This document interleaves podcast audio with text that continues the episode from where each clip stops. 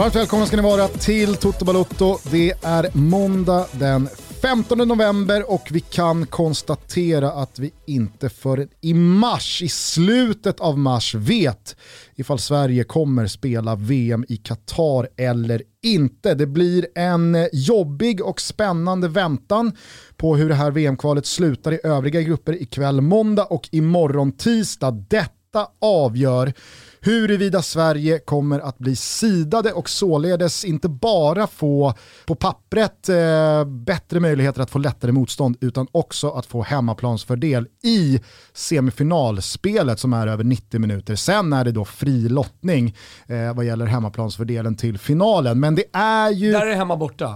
Nej, det är 90 minuter också. Oh, så det är en semifinal 26 mars, det är en final 29 mars.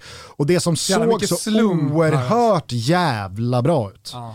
alltså förutsättningsmässigt, inte minst då efter segern mot Spanien till att börja med i, i början av september, när man då kände att ja, alltså, vi kan gå rent här och inte ens behöva möta Spanien innan vi är klara Eh, för VM. Blev ju sen efter förlusten i Aten som så att ja, om vi bara gör vårt här så kommer vi kunna gå vidare och vinna gruppen på ett kryss borta mot Spanien i avslutningen avslutningen, men förlusten mot Georgien gav ju oss glasklara förutsättningar inför matchen igår. Att det var vinst som gällde, det blev förlust och nu är vi alltså tvåa. Och det är en jävligt obehaglig känsla inför kvällen och morgondagens avslutningar i övriga grupper. För att vi pratade ju i eh, torsdags kväll om att ja, men, eh, Ola, Ola, Olof Lund hade ju liksom eh, retweetat de här Opta stats-kontona som har koll på allting i, i eh, procentsatser. Att oavsett hur det går mot Spanien så är det 93-94% sannolikhet att Sverige blir sidat till eh, playoffen. Och jag menar, Visst, det är en hel del som ska hända för att Sverige ska landa in på fel sida så att säga. Men, alltså du vet, mm. Wales får inte slå Belgien, möter Belgien hemma då. Belgien som är klara, utcheckade, såg Belgien en del mot Estland i, i lördags. De jassar ju, såklart. Varför ska de inte jassa? Nej. Det är kul att lira boll och Hazard-brorsorna och Kevin De Bruyne letar lite form. Och... Ja, men det, de där matcherna kan ju slå verkligen åt två håll beroende på dels vad som händer i matchen såklart, men eh, vilken inställning man har. Exakt, och jag menar Wales, de har ju allt att bara ja. liksom gå för. Ja, de kommer det, kriga. Och det är Bale och det är Ramsey ja. och det, det, är fullsatta läktare och Braveheart-hjärtan ja, eh, på borden. Och, ja, men det är skitläskigt. Mm. Exakt samma förutsättningar, Skottland-Danmark. Skottland får inte slå Danmark. Skottland hemma mot Danmark som redan är klara. Ja, Danmark har ett jättebra lag på pappret. De har imponerat något oerhört i det här kvalet. Men jag menar, vad fan, det, det, det, det är Danmark. Skickar in Primavera-laget i den här matchen. För de spelar det absolut ingen som helst roll om de torskar den här matchen. Nej. De är klara, de uh, har uh, mungipor uppåt och så kommer liksom skottarna. Men är det att allt det här ska slå in eller? Det räcker med att två av liksom fyra potentiellt för Sverige dåliga utfall inte sker, så klarar vi oss. Okay. Men jag menar, du delar ju min magkänsla. att, att, det, att det, det, blir läskigt att följa. Eh, Vet du vad min starka känsla är idag annars? Nej. Det är att ska man missa något mästerskap, då är det fan VM i Qatar man ska missa. Alltså jag har ställt in mig lite på att Sverige inte kommer spela och leker lite med tanken att det är ett mästerskap nästa vinter inför julen, där Sverige inte är med som ändå kan bli ganska mysigt. Det är något nytt och man vet att det aldrig mer kommer komma tillbaka. Det blir lite som så klubblags-VM, man skiter lite i det. Så bara, aha, nu spelas det VM, ja fan vad konstigt. För Kalle Halvarsson ska ju precis in och köra fem milen i Bruksvallarna eh, och sådär och Vinterstudion drar igång och det är lusekoftor och man ska köpa julklappar till barnen och så kommer det ett VM. Fan, det har man inte riktigt tid med i tanken. Man är, man, är inte, man är inte van och man kommer inte vilja vänja sig heller eftersom VM i november, december med största sannolikhet aldrig mer kommer komma tillbaka.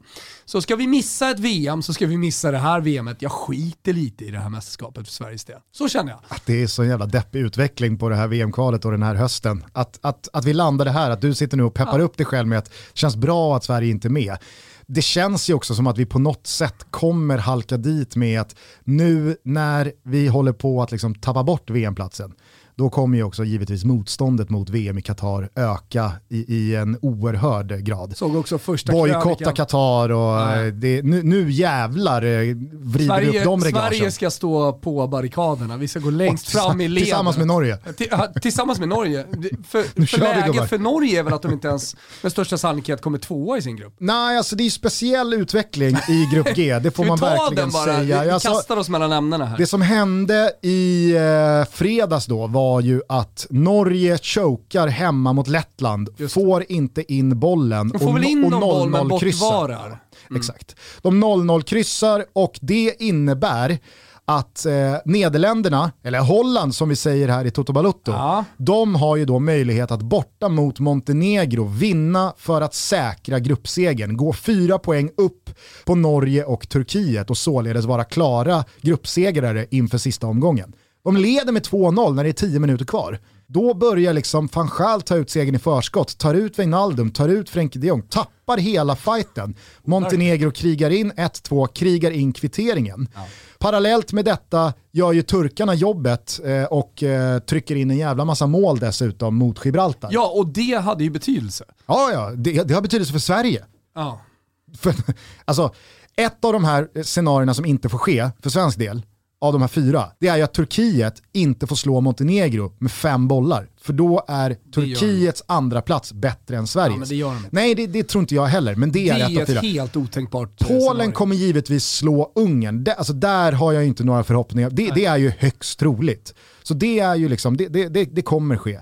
Sen är det de här tre, Turkiet får inte vinna med fem mot Montenegro, Skottland får inte slå Danmark, Wales får inte slå Belgien. Polen har ingenting att spela för förutom eventuellt någon slags sidningshistoria. Alltså, det är väl alltså- viktigt i och för sig. Så är det ju. Ja. Eh, det, det, är väl klart som fan att det är, det är viktigt för dem. De är tvåa i sin grupp ja, ja. ska jag säga, så kan inte bli tre och kan inte bli etta. Nej, men det som då sker i grupp G är ju att i och med att Nederländerna, eller Holland som vi säger i Toto Valuto då, sumpar de här två poängen så ges ju Norge möjligheten att vid vinst i Amsterdam imorgon passera Holland alldeles oavsett hur det går för Turkiet borta mot Montenegro. Men så länge Turkiet... De har lite Sverige-Spanien förutsättningar imorgon. Möter ett bättre lag, men de kan ju eh, då gå om dem. Ja. Exakt, mm. men så länge Turkiet eh, liksom gör sitt mm. så kan ju inte både Holland och Norge gå vidare. Nej. Men skulle eh, Turkiet torska, ja, då går ju både Norge och Holland vidare på ett kryss. Men i och med att Holland sumpar gruppsegern mot Montenegro i fredags så kommer ju de vara högmotiverade ja, på ett helt annat Norge. sätt ja. mot Norge. Mm. De hade nog föredragit, givet förutsättningarna, att möta ett utcheckat Holland som är klara, tror jag såklart, mm. eh, kontra då ett Holland som, som absolut inte får förlora, som kommer ställa upp bästa laget Holland, och tända på alla cylindrar. Exakt, men det som är med Holland är att det räcker med kryss. För dem? Ja, eftersom de har så oerhört mycket bättre målskillnad än eh, Turkiet. Mm. Alltså det är omöjligt, det ska vara typ 10-0. Exakt, exakt. Ja. ja. men visst, så att, eh, det, det, det, är väl, eh, det, är väl, det är väl någonting att Och det är ingen Håland som spelar. Han Nej, Håland är skadad. Exakt. Eh, och det där, där, alltså där verkar vara ganska illa. Mm. Och jag vet inte riktigt om man ska dra några större växlar av att han var skadad på ett liknande sätt vid den här tidpunkten Just. i fjol också ganska länge. Alltså att det, det kanske är en, en lite för pressad ung kropp det där. Men Skitsamma, du, vi kan inte hamna i, i uh, Erling Haalands muskulära skadehistorik den här dagen. Det är i alla fall förutsättningarna nu måndag och tisdag. Goda möjligheter alltså för Sverige att bli eh, sidade grupptvåor och således få börja hemma i playoff-semifinalen. Ska säga det också att de här playoff-matcherna lottas 26 november, alltså om eh, en och en halv vecka ungefär. Mm. Så då vet vi vilket motstånd vi får och vilken semifinal vi kommer möta eh, i finalspel om man då skulle eh, vinna. Eh, lottningen för eh, hemma-borta match i, i finalen, den eh, är ju fri. Och ikväll, måndag, ska allt avgöras inför den lottningen? Nej, måndag, tisdag. Ja, det är tisdag också. Ja. Och allt det här ser ni såklart på Simor, men det vet ni vid det här laget. Där ja. sänds ju alla eh, VM-kvalmatcher. Ja, men exakt. Italien, eh, Schweiz går ju en match där, ska ju sägas också, eh, som är eh, jättespännande. Spelar 1-1 på Olympico i fredags. Och eh, Italien har två bollar bättre målskillnad än Schweiz, men Schweiz möter Bulgarien hemma, Italien åker en tuff bortamatch mot Nordirland borta. Eh, och det sker på måndagskvällen. Du nämnde Simon, jag ska bara säga det att vi har faktiskt ett eh, litet erbjudande tillsammans med dem just nu. Erbjudandet i alla fall, eh, där man kan då streama allt. Eh, eh nu är ju VM-kvalet eh, snart slut, men Champions League och Serie A och La Liga. Det, det så kallade GOAT-abonnemanget som normalt sett kostar 299 kronor, där även då eh, höstens premiärer, typ Knutby, Solsidan, ny säsong, Gåsmamman, ny säsong också eh, kan ses. Eh, alla ni som har barn, jag som har barn, kolla mycket Simor också. 299, det är inte speciellt mycket pengar. Det är ingen bindningstid heller ska sägas. Nu, med koden VIPTOTO, så pröjsar man bara 149,50, alltså halva priset, eh, i tre månader. Och eh, alla som undrar, har då signar man väl upp sig för all framtid? Nej, det är ingen bindningstid. Det är otroligt. Så man kan ju passa på då. Eh, bara gå in på simor.se så hittar man det abonnemanget och eh, glöm inte bort att slå in VIP-toto. Och så ses vi i Champions League-studion om en dryg vecka. Härligt. Vi är sponsrade av K-Rauta och hörni, nu när mörkret verkligen har fallit på och vi närmar oss vinter då vill man ju fixa sitt höst slash, ska vi kanske säga, vintermys. Med ljus och med värme. Och för att höja värmen nu i vinter så tycker jag att man ska gå in på K-Rauta för att fynda i deras sortiment vad det gäller just ljus och värme. Ni hittar just nu riktigt bra erbjudanden på infravärme och julbelysning. Kanske piffa till det lite extra just den här julen. Man kan fortfarande fixa sin bastu hörni, om man inte har gjort det än. Erbjudandet är från Harvia och Element från Gnosjö. Just nu ligger det på hela 20% rabatt. Så klicka in på korauta.se, passa på. Vi säger stort tack. Kitos! Lystring, lystring! På tisdag, då är det dags. Då släpper vi det första avsnittet, premiäravsnittet av Toto Fam. Är det så man uttalar det? Ja, det får vi reda ut annars. Eh, på tisdag, jäkligt roligt. Jag och eh, Petronella Ekeroth och Ja, tror det eller ej. Robin Bylund som alla känner som Liverpool-supporter, varför är han med?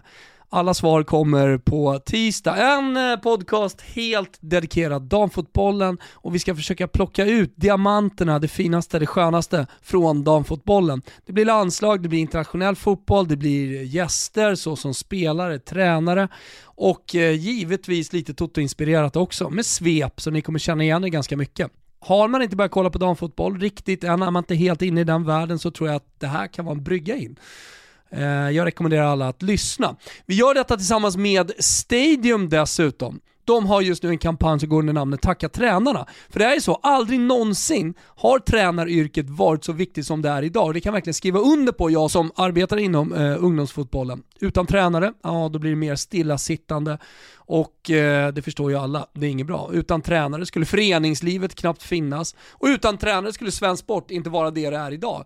Vi skulle inte få fram några Alexander Isak och Zlatan Ibrahimovic. Så med kampanjen Tack tränarna så vill Stadium hylla och tacka alla de här människorna. Och de har då instiftat ett tränarstipendium som vem som helst får skicka in ett bidrag till och nominera en tränare som förtjänar cred och för all del också ekonomisk stöttning. Så Stadium kommer att utse tre stipendiater av alla de här inskickade bidragen. Och de här tre vinnarna kommer att bli tilldelade ett stipendium på 50 000 kronor till sin respektive till sin respektive föreningsverksamhet. Så stipendiet går alltså inte till tränaren. Och vi önskar tillsammans med Stadium att ni börjar med att berätta om en egen tränare som ni vill hylla och varför och sen nominerar den personen. Det är viktigt också att eh, personerna kommer från föreningslivet, så det handlar alltså inte om en PT till exempel. Nu gör ni så att eh, nästa tisdag då rattar ni in på Toto 5 och ni hittar den såklart där man hittar eh, poddar i er vanliga poddapp. Vi hörs då, nu kör vi vidare med Toto. I eh, torsdag så spelade vi in eh, samma kväll som Sverige hade förlorat borta mot Georgien och eh, Spanien hade besegrat Grekland i Aten nästan på slutvissla. Drog vi igång den inspelningen. Idag så har vi låtit det gå en eh, 12 timmar, eh, 13-14 timmar. Jag tycker det är roligt, det blir två olika karaktärer på av, avsnitten. Jag har till exempel landat i, nu, det hade jag inte gjort igår om vi hade spelat in, att jag inte bryr mig speciellt mycket om VM i Qatar, Qatar, men det som vad landet heter. Nej, men med lite distans här till förlusten i Sevilla igår, eh, vad, vad känner du, vad tänker du så här eh, ett ja, halvdygn senare? Eh, det var ju någonting med det att Janne sa att vi, vi liksom summerar de här åtta matcherna som vi har spelat eh, med att vi är fyra poäng bakom Spanien. Eh, så eh, visst, man kan prata om att vi sumpade det mot Grekland och eh, liksom att Eh, matchen eh, mot Georgien var, det var matchen vi aldrig skulle ha förlorat då. Hade den här matchen fått en helt annan karaktär, man såg ju till exempel att Spanien var nojiga igår. Visst, det finns olika scenarier om Sverige hade gjort andra matcher, men nu gjorde vi det här gruppspelet och vi hamnar fyra poäng efter Spanien till slut. Ingen kan tycka att eh, det spanska landslaget är sämre än Sverige. Eh, vi behöver ha marginaler med oss i eh, ett gruppspel när vi ska hamna före Spanien. Vi har inte marginalerna med oss. Vi gör också plattmatcher mot sämre motstånd. Då hamnar man där man hamnar. Så eh, jag vet inte, jag har svårt att känna så bitter bitterhet och ilska efter det här kvalet. Däremot så såg jag att den första, i alla fall som jag har sett, första krönikan kom kring Jannes framtid igår. Jag tror att det var Olof Lund som skrev den va? Det var Fotbollskanalen i alla fall som pushade ut att eh, nu är det nog läge, om vi missar VM, att börja funta på Jannes framtid. Mm.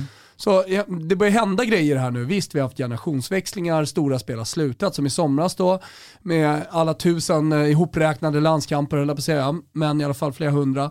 Ehm, ja, ja, många, många som påpekar matchcoachningen och förväntar sig en motorsåg här idag. Eh, många som eh, påpekar att vi inte har en plan B, det vi pratade om också, att vi ska kanske i vissa matcher kunna gå ut som mot Jorgen borta och spela ett mer framtungt lag, att gå ifrån 4-4-2 och kanske vara lite mer 4-3-3. Och där finns det ju såklart, ja, jag, jag kan sitta här och prata en halvtimme med dig Gusten om att eh, ha en plan B. Om vi skulle haft Janne eller Wettergren här skulle de ha säkert jättebra argument. Som... Jävla prillan hade igår Wettergren. Ja, rejäl jävla prilla. eh, och... nerver, det var nerver i den bakningen. Ja, det var verkligen eh, nerver i den bakningen. Men, men det, jag menar så här, du har ett landslag, du har inte speciellt mycket tid. Eh, återigen, Allegri tog ett halvår på sig att spela in en ny spelmodell som sen liksom kunde implementeras på laget och då har han dem fem sex dagar i veckan, eller fem sex dagar i veckan, han har dem hela tiden, tränar vad fan han vill. Eh, och, och den tiden finns inte riktigt. Kanske bättre att skapa ett system som funkar och sen så använder du spelarna för att få en annan karaktär på taktiken. Det är skillnad om du har Claesson och Kulusevski, det är skillnad om du har Quaison eller Zlatan och så vidare. och Så vidare. Så eh, jag vet inte. Eh, jag, jag, tycker väl bara när, när jag summerar det här, eller så här, när jag sovit på saken, att Sverige är inte bättre än så här i det här, i det här kvalet. Och eh, vi, vi hamnar där vi hamnar. Mm. Kanske ja, jag, lite, lite så här, fötterna på jorden, lite reality check. Eh, Janne haft, jag, jag, tror att Janne har överpresterat lite med spelarmaterialet under hela hans tid som förbundskapten. Som såklart blir cred till honom eh, och eh, hans stab. Men att vi kommer två efter Spanien, det, det, det, är väl inget konstigt. Ja, men, vi brukar ju prata om att man ska kunna hålla flera tankar i huvudet samtidigt, flera ja. bollar i luften. Och jag har väl landat någonstans i att jag har fyra tankar i luften ja, samtidigt när vi nu summerar detta ordinarie VM-kval. Nu återstår ju ett playoff och vi får se liksom vad det blir för slutbetyg på hela det här. Jag är ju en eh, liksom, människa och Hej, jag Ryan Reynolds. At Mint Mobile, we like to do the opposite of what Big Wireless does. They charge you a lot, we charge you a little. So naturally, when they announced they'd be raising their prices due to inflation, we decided to deflate our prices due to not hating you. That's right. We're cutting the price of Mint Unlimited from $30 a month to just $15 a month. Give it a try at mintmobile.com slash switch. $45 up front for three months plus taxes and fees. Promote for new customers for limited time. Unlimited more than 40 gigabytes per month. Slows. Full terms at mintmobile.com. Eh, följare av detta fotbollslandslag som i grund och botten bara värderar kvalspel i hur de går. Mm. Gick vi till mästerskapet eller gick vi inte till mästerskapet? Och väl i mästerskapet så är jag någon som följer det här landslaget med en ledstjärna. Vann vi matcherna och gick vidare från gruppen och gick vi vidare från åttondelsfinalen eller kvartsfinalen eller gjorde vi det inte? VM 2018, ja, men när man väl åker ut mot England så kändes det som att vi fick ut jävligt mycket av det här laget. Det kanske inte fanns mer än en kvartsfinal i det här laget. Det var jävligt kul, tack för showen. Vi slog ut eh, både Holland och Italien på vägen dit. Det är svårt att hitta någonting att klaga på. Det var liksom högsta betyg på allt. Det är klart att bollarna kan studsa rätt och, och, man kan få med sig marginaler och så slår man ut England och så är man i en semifinal och helt plötsligt är man 180 minuter från odödlighet. Men låt oss vara realistiska. Det var liksom en fullträff, 5 plus på alla sätt och vis. Så, så finns det mästerskap där man, ja, man kan vrida och vända på det här och kvalspel där man kan vrida och vända på det där. Men i slutet av dagen så vet vi alla att det handlar om resultat. Sen kan man absolut sitta och vrida och vända på prestationerna där bakom. Men vem fan kommer ihåg, eh, ett, alltså, ta EM 2004 som det perfekta exemplet. Ja, jättebra genom eh, både kvalet dit, gruppspelet, herregud, och, och insatsen mot Holland i kvartsfinalen, fantastiskt. Men det slutade ju med att vi åkte ut i kvartsfinalen. Det blev ju ingenting mer än det. Jag hade ju hellre gått vidare på liksom rötmylla mot Holland och en jätteusel insats och varit i semifinal, kunnat göra en Grekland, än att göra en jättebra insats men åka ut. Så där, det, liksom, det där fattar väl alla. Skitsamma, alltså en av mina tankar kring det här kvalspelet när vi nu sätter punkt efter åtta ordinarie omgångar, det är ju att vi gör ju det som kunde förväntas av oss. Mm. Alltså, vi tar den där andra platsen och när allting är över så var det ju inte speciellt nära att vi inte skulle bli sämst tvåa. Nej. Det är ju stabilt. Vi alltså, har ju en bedrövlig höst, det är väl det. Absolut, alltså, men, det, det... men man börjar med sex poäng, inget snack, det är liksom så här, ja men bra. Mm. Det, det, det är tryggt och det är säkert och, och vi, vi har aldrig panik. Mm. Det är snarare att vi sumpar bort eh, en, en, en bragd eller en jättefin insats snarare än att vi får jaga liksom någon slags skamgräns. Mm. Så att vi gör ju det som krävs och du säger det ju bra också. Vad fan, när, när, när vi nu summerar kvalet så är vi tvåa bakom Spanien, men vi har Grekland och de övriga lagen bakom oss. Ja, det är svårt att liksom säga icke godkänt eller det här var dåligt resultatmässigt. Men det är ju också så att vi med 45 minuter kvar av det här kvalet, med en halvlek kvar, så är vi ett mål ifrån att vinna gruppen. Mm. Och det är ju Ja, vi, det är ju ett utgångsläge. Vi är inte ljusår ifrån heller. Nej, nej, nej, nej. Och det är ju ett utgångsläge som alla, alltså alla hade tagit utan att blinka inför kvalet mm. i mars när det skulle dra igång. Är det någon som vill ha utgångsläget att med 45 minuter kvar borta mot Spanien i sista matchen så är vi ett mål ifrån att vinna gruppen? Vem tar inte det läget? Men med det sagt så måste man ju kunna med facit i hand se tillbaka på liksom, ja men kvalet samling för samling, match mm. för match. Vad hade vi egentligen för möjligheter att göra det här bättre. Exakt. Och då blir det ju surt. För det jag kände igår, kanske framförallt under matchen, det var ju att fy fan vad det här laget går att kryssa mot. Ja. Alltså, det är svårt att slå Spanien borta.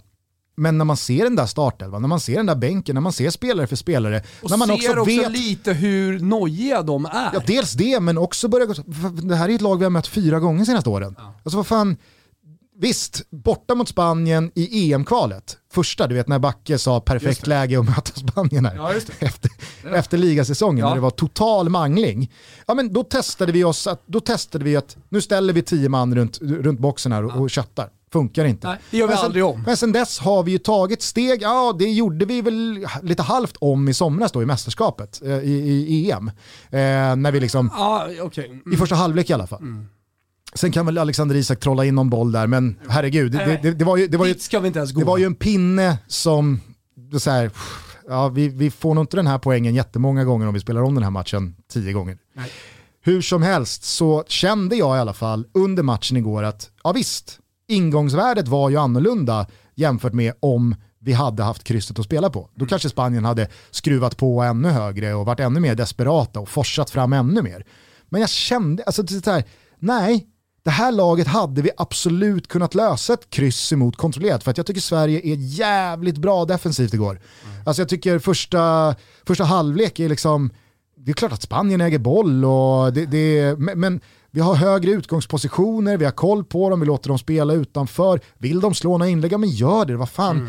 Vi har två gubbar mot Raúl de Tomas, alltså det är så här, det är ingen fara. Jag tycker Albin är, är jättebra på liksom var den där blocket mellan de offensiva leden och backlinjen. Och vi, vi eh, värderar, tycker jag, helt okej okay i eh, när man ska utnyttja farten i kontringen och när det är läge att bromsa upp för att flytta upp och döda lite tid och få andas och vila på bollen. Och, nej men det, är här, det är bra, men det var ju hela tiden där, men vi måste också vinna. Mm. Så jag, jag, jag har liksom ingenting att klaga på i matchplanen och hur man genomför den. Nej, och vi har lägena. Alltså, eh, om, om, man går, om man går in i matchen eh, på detaljnivå ja. så, så har vi Foppas läge och i andra halvlek Klas som kommer i ett bra läge, får inte riktigt till det. Vi har något inspel. Forsberg har också ett jätteläge i andra halvlek när han missar bollen. Ja, jätteläge också. Eh, så jag menar, så här, chansen fanns ju. Ja. Och kanske, kanske blev eh, alltså om man kollar på utfallet på matchen, på antal lägen Sverige, antal lägen Spanien, så tycker jag att vi fick, vi fick nästan fler klara lägen än vad jag trodde vi skulle få på förhand. Och håll med om att det var ju det jobbiga, för då blev ju den här torsken mot Georgien ännu surare. Ja. För hade, man bara gjort, hade, hade vi bara gjort 1-0 mot Georgien första mm. timmen, det pratade vi om väldigt länge i, i torsdags. Ja. Så att alla som har hört det avsnittet vet ju att så här, gör vi bara 1-0, då vinner vi den där matchen. Och hade vi bara vunnit den här matchen så hade man haft det där Men krysset. Men är det inte sådär, vi har inte marginalerna med oss. Alltså, ska vi gå in i ett playoff två gånger 90 minuter, då gäller det att vi sätter de chanserna. Georgien var... första 60 minuter, Spanien för all del här om vi skulle ställas mot ett, vadå, Portugal kan vi ställas mot eller? Ja, om det vill sig illa här nu ja, i och med att Portugal är sid, de kommer bli sidade. Ja där, där, finns det inga liksom så här, om det här händer, om det här händer, då blir inte Portugal sidare. Nej. Portugal kommer bli sidare, mm. vilket gör att, ja, det, det är ju verkligen worst, ett lag. Worst case scenario va? Ja, ja men exakt. Alltså Portugal borta, mm. ja då, då, det är ju för fan som igår. Du ville säga då är det över. Ja men det ja visst, visst, visst. Nej men min fjärde då, liksom tanke, boll i luften jag håller, Oj. det är ju att i slutet av dagen, i slutet av det här kvalet, så har vi en samling med två matcher. Jorgen borta, Spanien borta. Vi har jätteförutsättningar för att vinna gruppen, det räcker med fyra poäng. Vi gör inga mål. Nej.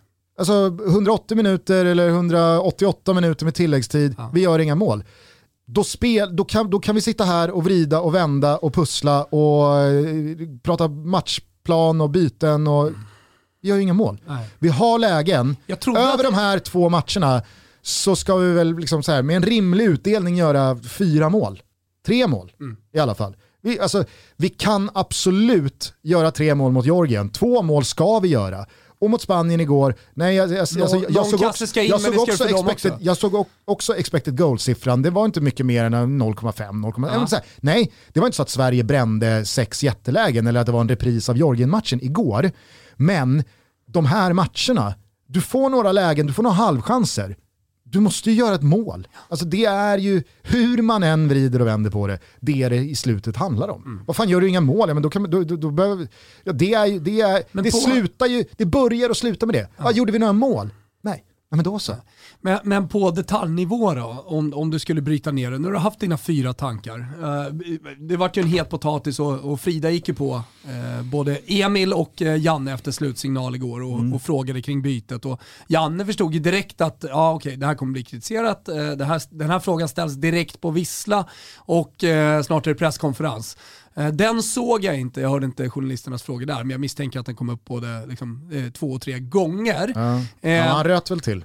Ja, ja det kan jag tänka mig att han, han blev irriterad. Ja men det, det, blev han inte riktigt mot Frida utan eh, där, där var han mer liksom lugn, nedtonad och menade på att ah, jag kanske borde ha väntat 6-7 minuter. Det var Jannes take på det. Eh, Emil har inte spelat många 90 minuter i klubblaget och man märkte att eh, bensinen var slut. Eh, jag såg inte riktigt den eh, soppatorsken på, på Emil Forsberg. Nej. Men eh, det, det är möjligt att den fanns där. Ja och sen så måste man... Men, men här, ja. jag, jag vet inte, Eh, hur man värderar nyckelspelare, man värderar risk om man tar ut en spelare eh, här och där. Men eh, det fanns ju en annan soppatorsk som var rätt tydlig på Emil Kraft. Som man ändå försökte behålla kvar så länge som möjligt. Där kändes det snarare som att han hade ont än soppatorsk. Ja okej, okay. ja det är möjligt. Det är möjligt, men han var ju helt sänkt mm, i alla fall. Ja, det, det, såg ut som att det, det, var nära på att komma in en ambulans på planen. För mm. Han har ju sprungit ganska mycket också. Det, så här, Emil Forsberg för mig är ju liksom sån, sån nyckelspelare för det här landslaget. Dessutom hade han ju faktiskt igår en bra match. Eh, Verkligen. Och, och um, han, han, hade väl en andra andning eller en tredje andning att komma in i tänker jag. Eh, så är det väl med idrottsmän. Eh, och eh, ett skott, för det räcker ju med det, ett skott, en passning eller en dribbling, hade någon tunnel där du vet. Alltså en sån aktion i sig som räcker för att det ska bli mål med 20 minuter kvar. Dessutom Zlatan in de två tillsammans kan jag tänka mig inte hatar att spela med varandra eh, i, i och med att ja, men jag tycker de passar varandra helt bra. Mm. Så det, det, det, tycker jag var konstigt. Eh, och återigen så tycker jag att det, det finns en svaghet i, i eh, Jannes och Wettergrens sätt att liksom matchcoacha det här laget. Och det tycker jag har varit en röd tråd rakt igenom. Eh, det, det, det kommer en del konstiga byten, en del sena byten. Eh, framförallt sena skulle jag nog vilja säga, som, som jag har svårt att förstå och som jag i efterhand inte liksom har hört, då är de suttit här också och vi har tagit upp det. Eh, hört dem riktigt försvara heller utan tvärtom då kanske att de är självkritiska i efterhand och menar på att där, där kunde jag gjort det bättre. Och det är någonting, tycker jag, med alla tränare. Alltså, viss, vissa är bättre matchcoach än andra. Alltså just den här fingertoppskänslan i de viktiga matcherna. Mm. Det tycker jag inte de har. Nej, alltså jag, jag, jag, tycker, eh, jag tycker att eh, när det kommer till just matchcoachandet och när det kommer till byten och när det kommer till förändringar man ska göra. Så man måste ju förstå att Peter Wettergren och Jan Andersson, de kan, inte, liksom, de kan ju inte där och då i stunden utgå från vad man sen vet en halvtimme senare med facit i hand. Alltså de måste ju värdera det här i realtid, de måste Sett till förutsättningar, sett till allt de har sett. Eh, i all, all, alltså, då följer alla spelare, så att allt de har sett i klubblag, träningar, ja, men det, eh, tidigare dels, matcher. Dels den fysiska statusen, det, men, det, men det jag framförallt tror eh, handlade om bytena igår. Inte bara fysiska statusen, även mentalt nej, nej, kanske. Absolut, mm. nej, jag, jag tror att det, det, det många inte ser igår och det många missar och inte tänker på. Jag är helt övertygad om att bytena som eh, Janne och eh, Wettergren gör igår, kanske framförallt då Emil Forsberg-bytet, det är ju utifrån de defensiva aspekterna att vi håller på att tappa mark här. För det var ju en period, jag tycker Sverige kommer ut i andra halvlek helt okej okay, ja. och startar den bra. Men sen så börjar ju Spanien etablera ett tyngre bollinnehav, ett mer konstant tryck och de kommer i våg efter våg. Och det är väldigt, väldigt tydligt att nu, nu börjar det liksom osa katt. Tycker jag. Alltså rent spelmässigt. Det är inte så att Robin Olsen får flaxa på mållinjen varannan minut. Men det är ju ett Spanien som snarare trycker på för 1-0 än att Sverige trycker på för 1-0. Jag tror att Janne och Wettergren i det läget värderar att vi måste orka stå pall här nu en kvart till för att sen gå för en forcering. Och jag, jag är helt övertygad om ja, att... Han pratade ja, men, ganska tydligt om så här forcering, vi gick in i forcer, forceringsfasen. Ja. Och, och, så säger han så här, ja, men Emil kanske hade orkat 6-7 minuter till, men jag menar, Emil Forsberg, det, det, är ju en i grund och botten offensivt lagd spelare. Det är en konstruktiv spelare. Det är en spelare som du nämner och alla andra vet, han är på plan för att avgöra matcher genom att göra mål. Men i det här läget så är han ju en av de spelarna som kanske inte orkar ta de där stegen som Viktor Claesson orkar ta för att vi inte ska tappa matchen i 64.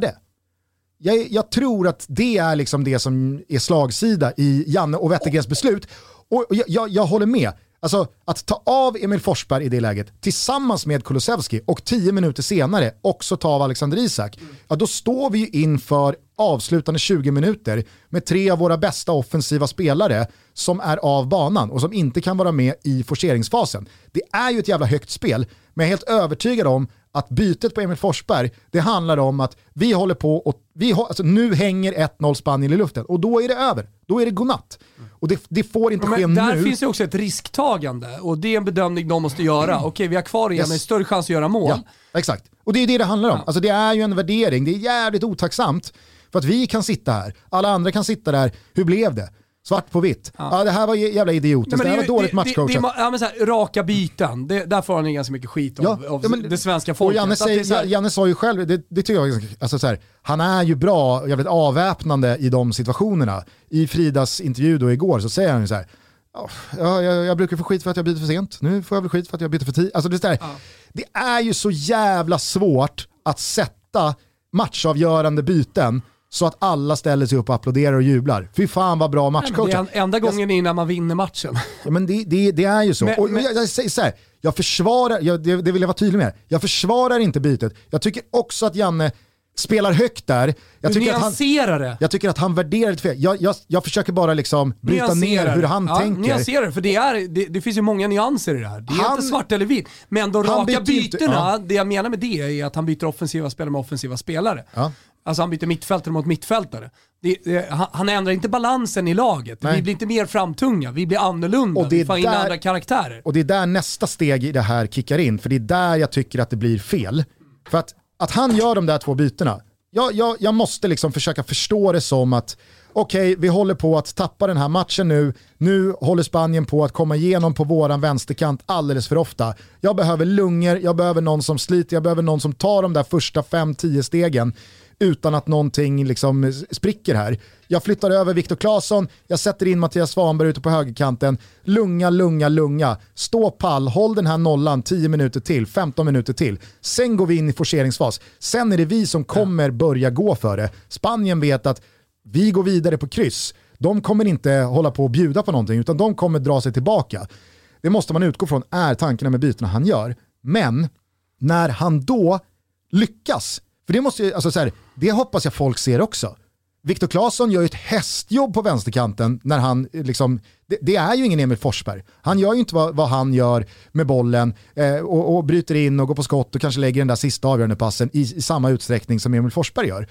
Men han tar ju det där jobbet och vi bromsar ju upp den spanska, liksom, ja, men, att de drar åt skruvstädet. Mm. Det, det, det, lyckas man ju med, mm. tycker jag. Nej. Från eh, att det här dubbelbytet görs i 10, 13, 14 minuter till. Det som sen sker är ju det som jag tycker blir fel, förmodligen många andra också. Då tar man ut Isak, man tar in Zlatan. Det är också ett rakt byte på väldigt många sätt och vis. Enda, den stora skillnaden är ju att man får in en helt annan typ av Exakt. anfallare kontra vem man byter av. Ja, och det är forceringsfasen som man pratar om, så Precis. har de Zlatan där som kan skicka långt och, det, och brösta ner. Och det är det som inte sker. En gång ja. så sätter man upp en liksom, lyra. Jag tror att det är Robin Olsen eh, som bara liksom får dunka iväg den. Alltså, han, han, det, är ju, det är vantar runt om honom. Han får ner den, man kan etablera lite tryck, men sen är det ju liksom, det är för dålig kvalitet på inläggen, de inläggen som har viss kvalitet på sig går inte mot Zlatan. Och det finns liksom inte det här men, konsekventa mönstret i att nu ska vi göra så här. Och jag tycker Kim Källström sa det väldigt bra i eh, studion efteråt. Att man behöver ju också skicka en signal. Att lyfta upp en mittback, inte bara för eh, spelarna i sitt eget lag, utan också till motståndarna. Mm. Nu, nu börjar vi riska, nu börjar vi chansa. Mm. Och det blev jag besviken på igår, sista kvarten vi har ju ingenting att förlora. Nej. Alltså det står 0-0, vi är tvåa, så vi har ingenting ja, att visa förlora. Li, visa lite mer desperation Ja men det spelar väl alltså. ingen roll om vi torskar den här matchen med 3-0?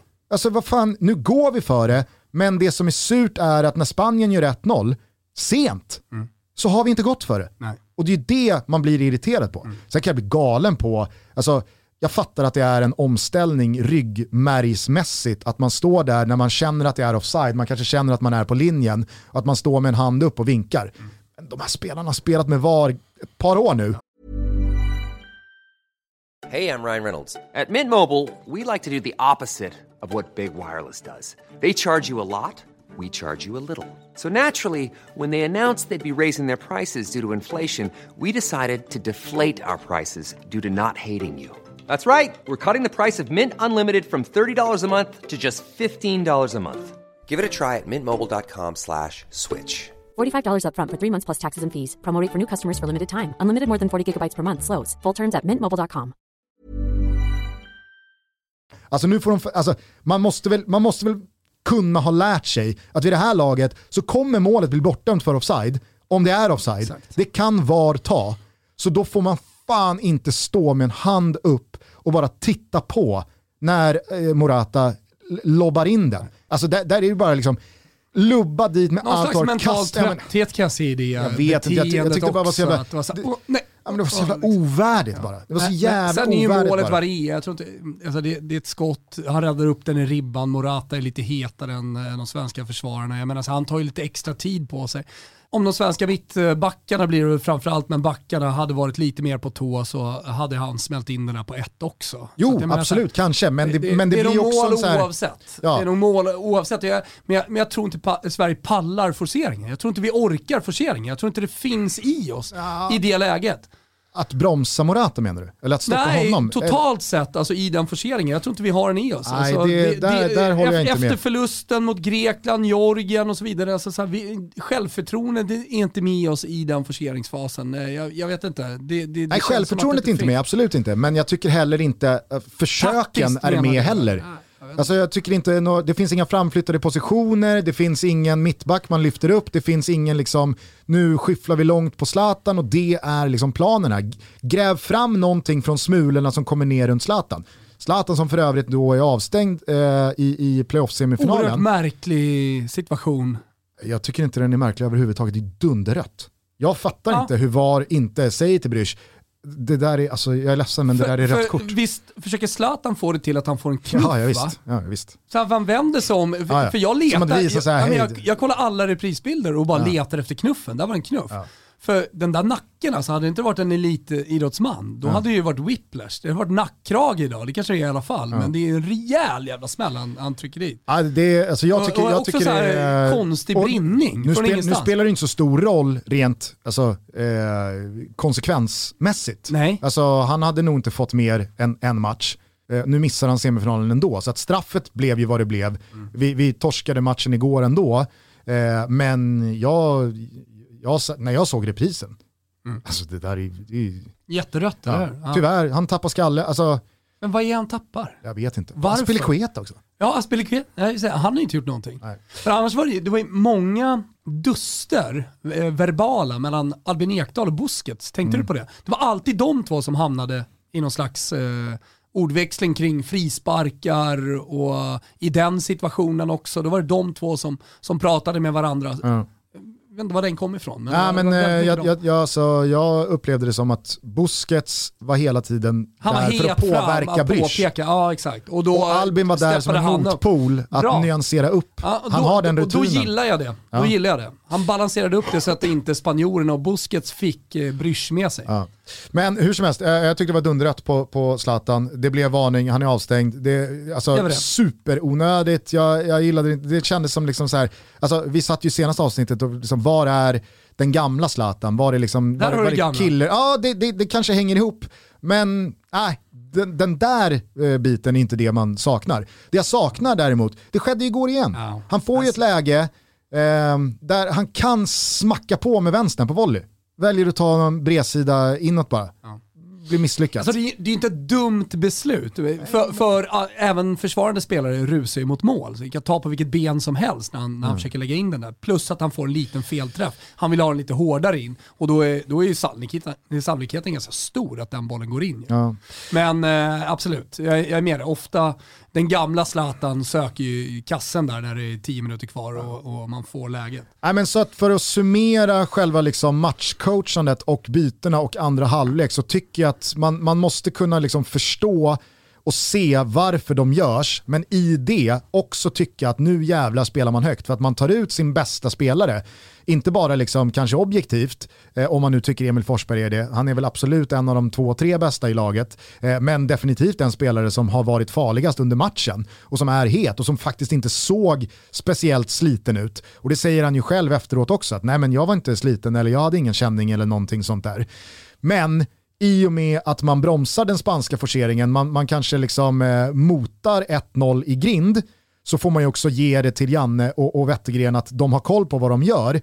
Men utifrån det så trodde jag att när klockan slår 75, då är det Sverige som kommer visa någon desperation, för det finns ingenting kvar att förlora. Nu är det 15 minuter. Hellre att vi släpper in eh, 1-0 Spanien i 78 för att vi liksom ja, påtagligt har börjat bjuda på lite ytor för att vi är en man kort i backlinjen. Men någon slags mentalitet där i slutet som man vill se är annorlunda. Än att klockan tickar hela vägen till 86 och Spanien får göra 1-0 och man känner, har vi ett avslut överhuvudtaget? Mm senaste 20 Och Janne minuterna. pratar om att vi var ju precis på väg in i forceringsfasen. Den borde väl ha börjat tidigare. Ja, det, det, ja. det kan jag tycka. Och, jag men, alltså, det är ju svårt med, med, med, med Zlatan, alltså, när man har en sån liksom, spelare som eh, har både spetsegenskaper men för med sig en respekt eh, hos motståndarna och det, det, finns liksom en kvalitet. Han sitter på bänken, nu kommer han in 17-18 kvar av ordinarie tid.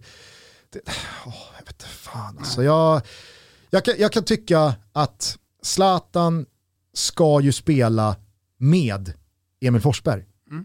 Det, är, det är precis så jag känner också. Alltså det, det, Han ska spela med de har eh. också ett kombinationsspel ihop på, på vanliga passningar. Alltså så här, ja. då, då, då utnyttjar man Zlatan till max och jag tror också man utnyttjar Emil Forsberg till max. Eh, att, att hitta ett kombinationsspel dem emellan som jag inte riktigt tycker har funkat med Alexander Isak framförallt Nej. och Emil Forsberg till 100%. Alltså igår är det väl lite att han hamnar ur balans i några situationer, Isak, när, när han möter och eh, Forsberg kommer och sådär. Men, men där vet man ju att Zlatan vinner ju alla de bollarna felvänd, även de låga. Och kan, och kan uh, spela vidare. Så det, det, det, det saknade jag jättemycket igår. Om vi nu ska gå in i en, i en forceringsfas, då hade jag gärna gjort det med Emil Forsberg. Mm. Även en slutkörd Emil Forsberg. Och för min del så tycker jag att man kan ha ett större risktagande. Man kan faktiskt vara mer framåtlutad. Du behöver inte byta rakt.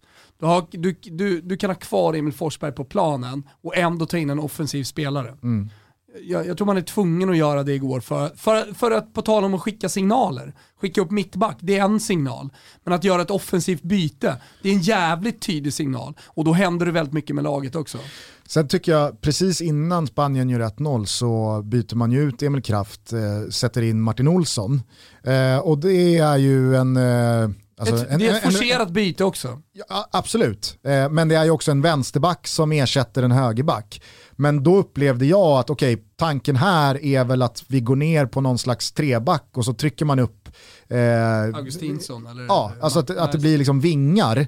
Ja. Eh, men vi, vi Sen, sen, jag fattar också, Martin Olsson är väl på plan i en minut mm. innan Morata gör 1-0. Så det, det, går ju väldigt mycket luft ur och det blir pyspunka på det. Jag tror ingen tror på att men vi vänder nog 1-0 till 2-1 sista fem här nu.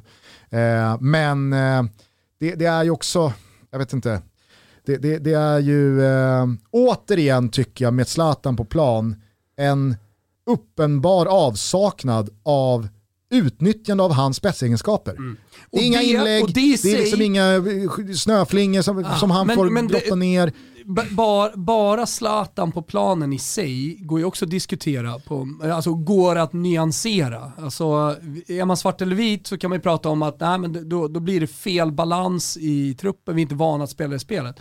Eh, det, det, kan ju ha att göra med att Sverige inte har lirat med Zlatan eh, och att vi inte är vana att skicka de bollarna.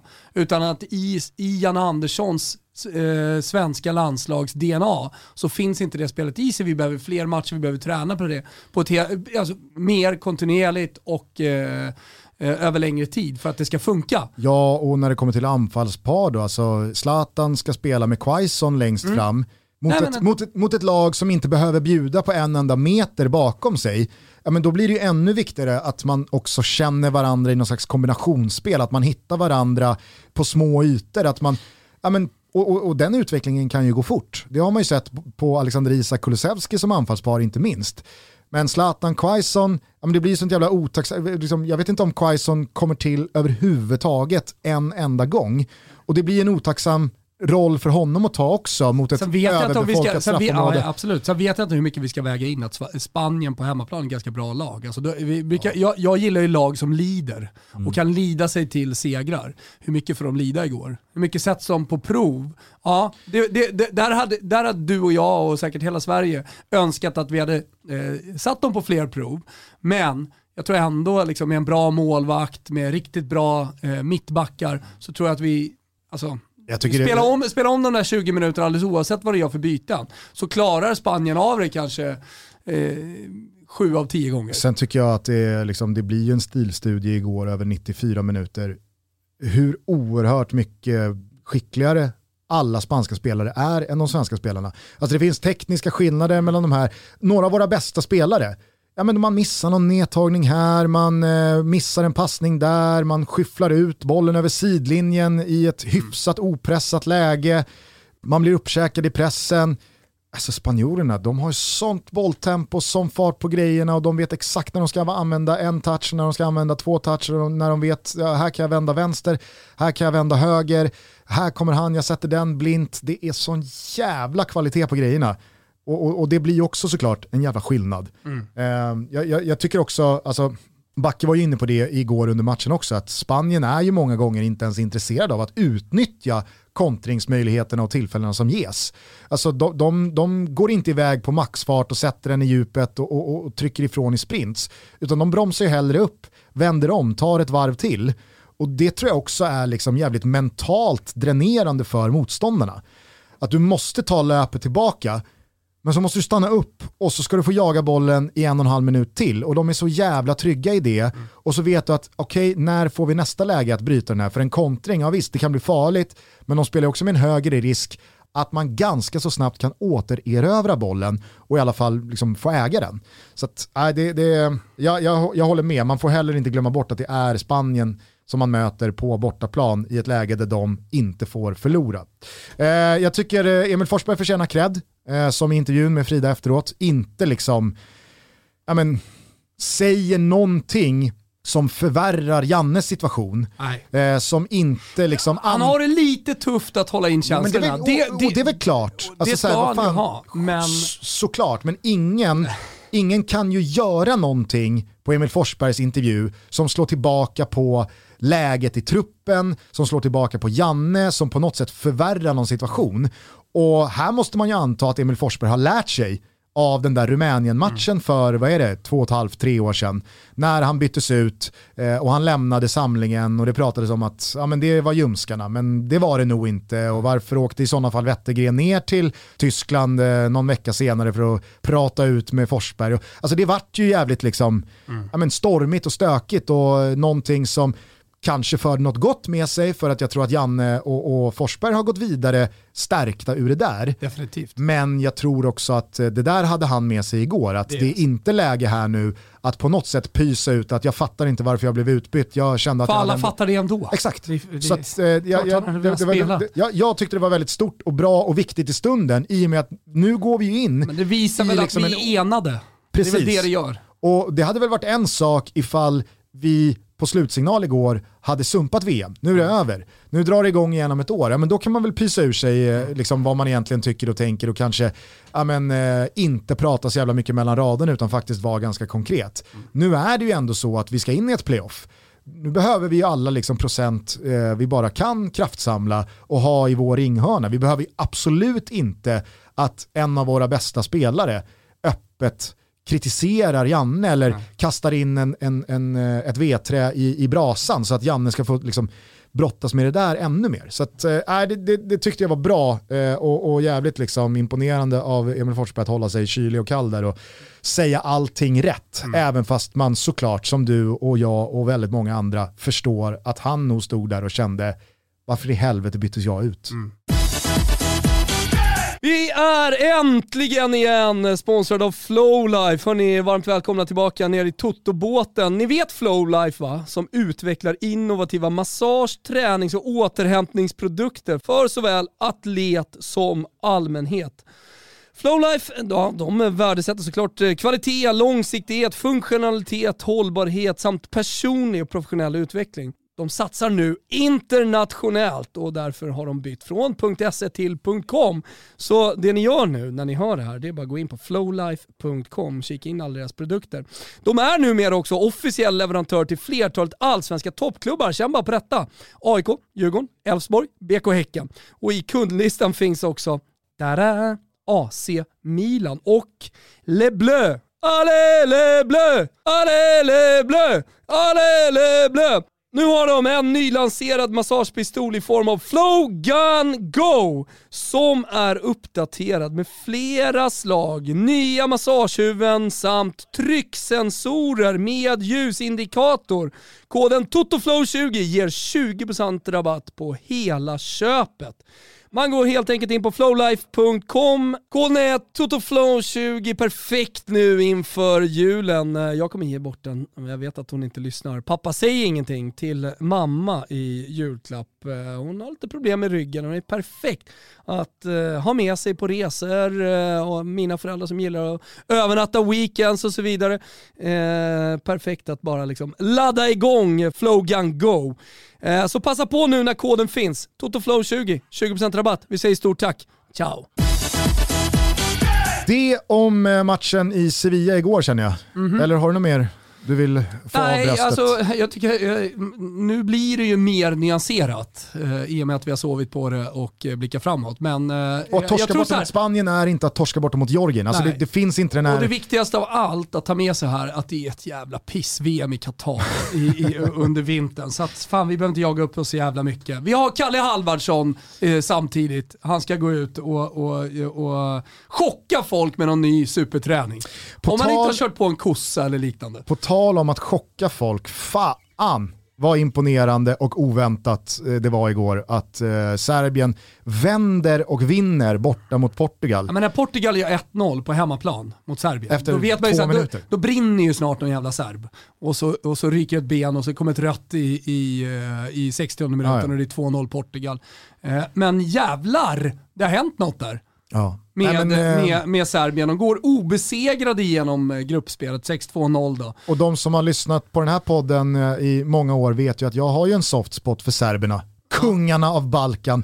Det är någonting med Serbien som får dem att liksom stå över kroaterna, bosnierna, slovenerna och, albanerna. Då, då, lägger du inte in eh, några politiska värderingar överhuvudtaget utan det är bara magkänsla du har, eller hur Gusten? För att jag, jag, det, vi, ska, vi ska verkligen undvika att att, uh, att uh, ge oss in där. Ge oss in i någon slags uh, betygssättning på de, uh, på de balkiska länderna, på Balkanländerna. Det, det, där går inte jag in, där säger jag noll. Jag säger ingenting här. Fan, oväntat ändå. Du brukar ju inte dra dig för att har, säga precis vad du tycker och tänker. Jag har för många vänner som lyssnar på den här podcasten som är serber, kroater, bosnier, albaner och så vidare. Så jag, jag säger absolut ingenting. Ja, nej men eh, då, Däremot så mina serbiska vänner är jag glada för. Ja. Eh, jag har inga portugisiska vänner. Jag har fan ingen portugis som jag känner. David Neves är väl uh, halvportugis? Just han är halvportugis. Men har han så starka känslor till det portugisiska säga, Är vi egentligen vänner? vänner? Går också att ifrågasätta. Nej då, det är klart vi är. Men, eh, nej, nej, men då men... står jag för i alla fall att jag tycker att eh, igår, Serbien är mäktigare hade, än, än alla andra Hade eh, Portugal vunnit igår så hade det max varit något sms mellan mig och Neves. Mm. 20 sms mellan eh, serbpolare. Ja. Mm. Jag tycker i alla fall att eh, Serbien eh, förtjänar den här eh, VM-platsen å det grövsta. Man har ju liksom gnuggat på i skuggan av Kroatien senaste åren och man hade ju en generation spelare som kanske inte fick ut max, men nu känns det som att i grevens tid så får liksom Dusan Tadic vara den spelare som han var meant to be ihop med då, det går väl att kategorisera in Aleksandar Mitrovic där också. Alltså man hade ju enorma förväntningar på Mitrovic för några år sedan. Det kändes lite som att äh, men det kanske inte blev så mycket mer än ett Fulham som är lite jojo-lag mellan Championship och Premier League och varje gång man ser honom i Premier League så har han fler dåliga matcher än bra matcher. Men när han är i Championship, ja men då gör han sina 25-28 mål på en hel säsong, är med och tar upp Fulham och så blir det samma visa igen. Men att det är något kilo för mycket, att det blir lite liksom, det här kommer inte gå i en fotboll som går allt snabbare, utan det kanske snarare är Dusan Vlahovic som är Serbiens framtid. Det känns nu som att Serbien får en perfect storm av det nya i form av Vlahovic och det som skulle varit mm. då i Mitrovic, kanske framförallt då Dusan Tadic. Ah, jag, jag, jag, jag gläds Nej, men, åt, äh, åt, åt Serbien. Jag tycker att äh, deras offensiv, äh, deras fotboll de har spelat, det är ju verkligen inte någon liksom så här, Lars Lagerbäck har ridit in och satt försvarsspelet och, och man har krigat in 1-0-segrar, utan det är ett offensivt Serbien och igår, herregud, man förtjänar ju den där segern till 100%. Man, mm. man, man, man går ju verkligen före, och igår så tycker jag verkligen man får den perfekta pricken över i mm. som en slutdemonstration i det här kvalet att ja, över det här året så har vi varit bättre än Portugal, bättre än alla andra och vi ska vara i det här VMet och, och, och, vi kommer inte åka dit som någon jävla liksom så här, gud vad kul att vara här bara, utan jag tror att Serbien känner att Kroatien, de kunde gå till VM-final för eh, tre år sedan. Mm. Varför skulle inte vi kunna liksom, eh, göra någonting eh, liknande? Mm. In, jag säger inte att de kommer göra det, men jag tror att de går dit med den känslan. Exakt, och på tal om risktagande och eh, att vi gör raka byten, eh, så gör ju Stojkovic, eh, det vill säga förbundskaptenen i Serbien, byte i paus på Godel som är mitt-mitt mot Mitrovic. Så då har han Vlaovic och Mitrovic på plan. Visst, det är långt kvar, men det är fortfarande forceringsfas. De sista fem minuterna, då tar han in Luka Jovic också eh, mot vänsterytter. Så han, han avslutar den här matchen med Luka Jovic, Vlahovic och Mitrovic. Mm. Men bara... framförallt redan i 45 minuten så visar han Portugal och eh, det serbiska laget att vet ni vad, nu har vi 45 minuter kvar här, nu går vi för det. Det blir en jätteskev balans såklart, det blir, en stor balansskillnad i, i, i det serbiska laget. Men den signalen kan ju vara helt avgörande. Nu kommer målet precis i slutskedet, men ändå. Jag vill bara addera till eh, den grupp av spelare som jag verkligen liksom gillar och som jag tycker eh, personifierar det här serbiska landslaget. Att Sergej Milinkovic-Savic är ju liksom den perfekta spelaren emellan det nya och det gamla. Mm. Alltså han är ju i sin prime, eh, åldersmässigt. Och sen var det säkert många som, när han gjorde den där otroliga säsongen i Lazio för, mm. vad är det, tre år sedan, tänkte att här finns det nog både randiga italienska lag men kanske ännu större uppgifter, Real Madrid och Premier League och vad det nu skulle vara. Vi får väl se om han blir Lazio trogen i, i flera år till. Han är ju bara 26. Ja, men det, det, är väl absolut prime. Ja, ja exakt. Alltså, han är ju bara 26. Ja. jag menar så här, det är ju perfekt egentligen att ta honom nästa sommar. Exakt, och, och jag menar, ställer man då de spelarna, spelare för spelare, mm. mot, du kan nog ställa upp ganska många europeiska landslag som inte sköljer dem, den kvartetten av banan. Alltså Nej. Alltså Dusan Tadic, Sergej Milinkovic-Savic, Dusan Vlahovic och Alexander Mitrovic. Det är, det, är riktigt det, bra. Det är starka papper. Det är riktigt, det är riktigt starka papper. Ja, det är det. Nej, en häftig serbisk eh, VM-plats som säkrades borta mot Portugal igår. En annan notering jag gjorde från VM-kvalhelgen, det var, jag vet inte om du såg Englands mangling av Albanien. Jo. Nej, men det var ju 5-0 eh, va, och klang och jubel i första halvlek och när allt var över så hade Kane gjort hattrick och det var någon bicykleta. Och... Nej, det, var, det, var, det, var, eh, det var klasskillnad på Wembley, herregud. Men det gick ju liksom inte att landa i någonting annat än att Harry Maguire, miljardmannen, eller vad, var det, 80 miljoner pund, ja. 900 miljoner kronor. Ja. Eh, lagkaptenen i eh, Manchester United som har varit själva symbolen för Ole Gunnar Solskärs krackelerande ja, men, koloss till klubb som eh, har stått för en helt klappusel säsongsinledning. Han gör mål och vad gör han? Händerna bakom öronen det har varit lite snack va? ja, det har varit lite surra va? Att jag skulle ha gjort någon slags dålig tid här eh, på fotbollsplanerna. Va? Vad säger ni nu då? Pyts mot Albanien. Få höra er bua nu. Nej men alltså det är så, det är så insiktslöst att jag, jag blev så jävla provocerad när jag såg det. Jag har ju skojat lite om det här och då får man ju backa bandet några år till då. Marcus Bergs långa måltorka i landslaget och Alexander Axén kritiserade honom i studion och sen så gör han väl mål mot typ Luxemburg i någon 8-0 seger och då sätter han händerna bakom öronen och det har varit lite snack, sa han efteråt. Det tyckte vi var kul för att så här, ah, göra, bryta den där måltorkan mot Luxemburg i en 8-0 seger. Visst. Det kanske inte är då man liksom fäller ut elefantöronen och säger vad säger ni nu då? Nej. Det är ju ingenting jämfört med den här situationen. Alltså att Harry Maguire inte förstår att, att göra mål mot Albanien i en stendöd VM-kvalmatch där det egentligen är liksom, ja men det är väl fyra divisioner mellan England och Albanien en sån här kväll på Wembley. Du kan inte, du kan inte göra mål mot ett sånt lag och tro att så, Nej. det har varit lite snack va? Nej. Men här ser ni vad jag går för. Nej. Det, det är så jävla provocerad blev jag. Nej. Men eh, jag tänker så här, som avslutning och någon slags framåtblick, det är många som eh, eh, funderar kring de här lagen som vi kan möta. Har du något drömmotstånd? Nu är inte allting klart, det ska ju sägas också. Alltså Finland vet vi inte, de går en tuff batalj mot Frankrike samtidigt som Ukraina borde vinna mot eh, ett eh, avsågat, totalt utcheckat Bosnien vad det verkar. Vill man ha Finland, vill man ha Ukraina, eh, vill du ha Wales? Vad vill du ha där egentligen? Om du får drömma. Det vi vet är att Makedonien är där, eller hur? Mm, yes. Eh, vi eh, tror att Polen går dit. Ryssland kan vi möta. Då Turki ja, Turkiet, Norge, där har vi ingen jävla aning vad som händer. Men säg att det blir Turkiet. Nej men drömmen är väl Skottland. Nordmakedonien, Skottland eller Finland. Mm. Och då tar jag Nordmakedonien.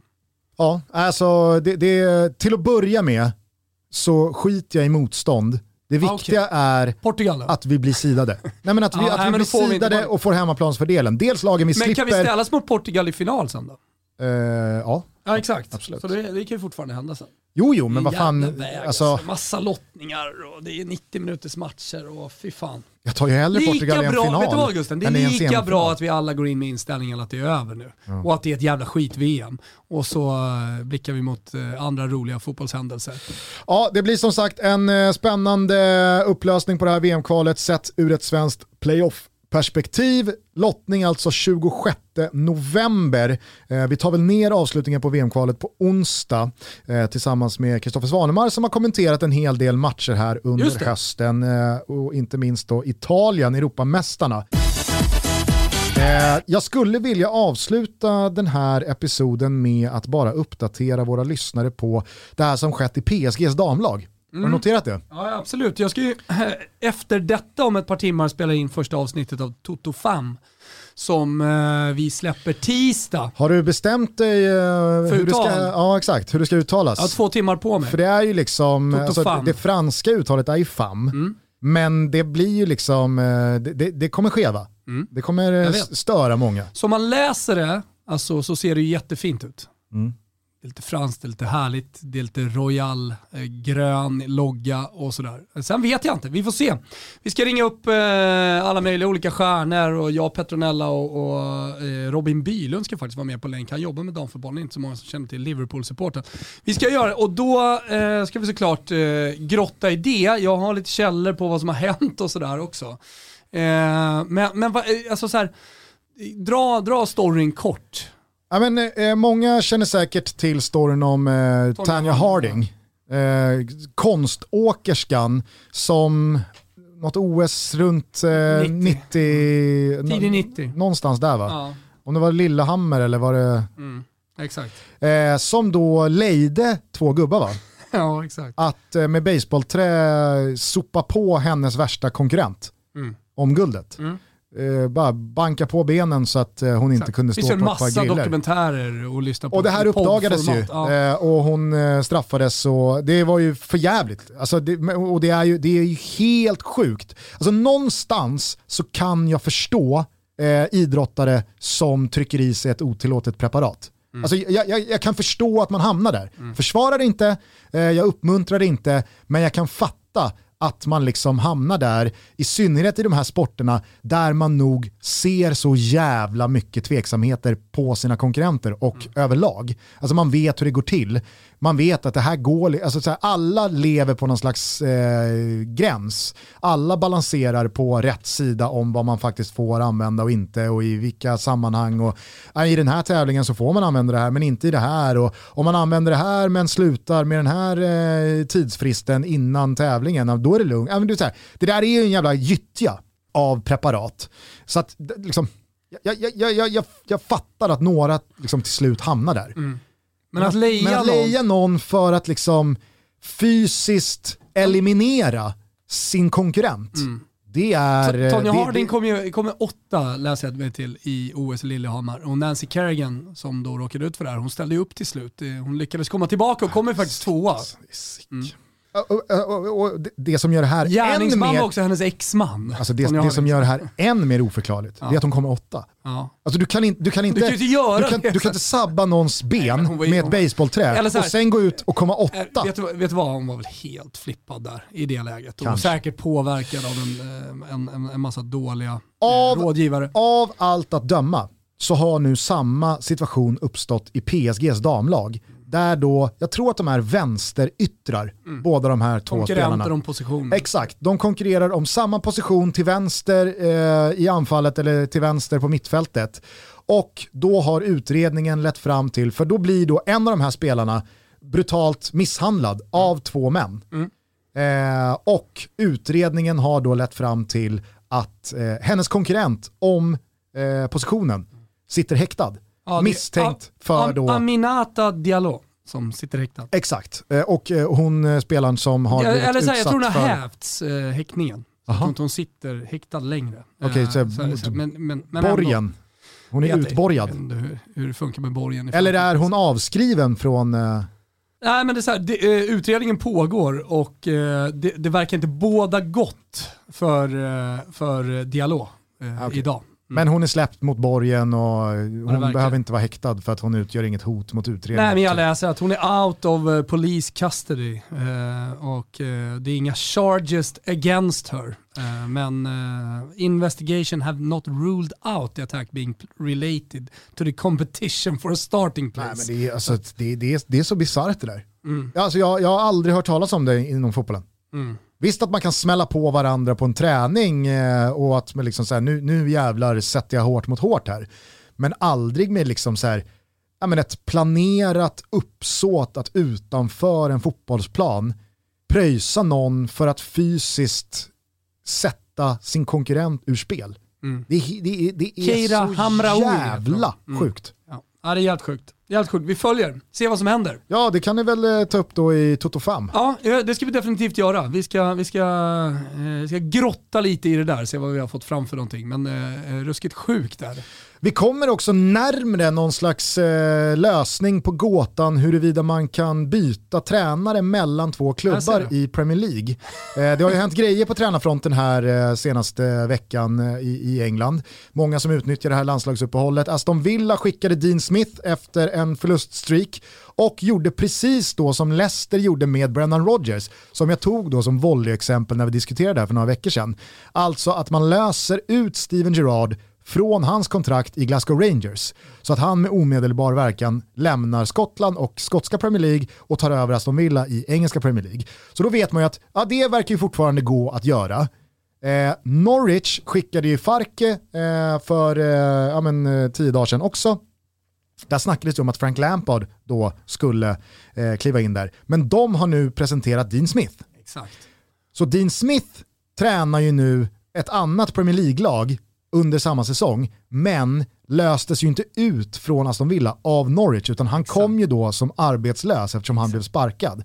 Så det är ju inte ett klockrent exempel, Nej. men vi kommer närmre. Ja. Vi kommer närmre. Vi kommer närmre. Och återigen, ni som, ni som, ni som har på fötterna här. Ske, jag tror att det som måste ske, det är att man kommer överens om någon slags eh, lösensumma och sen så, sen så eh, ser man till att eh, rent juridiskt lösa kontraktet. Så, att det, så här, det går nog, men jag tror fortfarande att det rent juridiskt är, eh, det, det, det, är uppenbarligen inte omöjligt, men eh, man får inte bara plocka.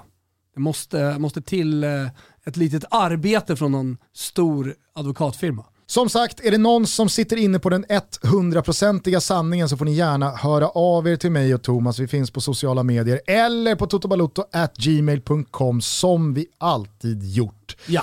Tack för att ni lyssnar på vår lilla podcast. Vi hörs igen alltså som sagt på onsdag när vi summerar övrigt VM-kval och kan då slå fast exakt vad det är som gäller för svensk del inför playoff-lottningen 26 november. Sen rullar ligaspelet igång igen. Det är en fullmatad helg, Champions League nästa vecka.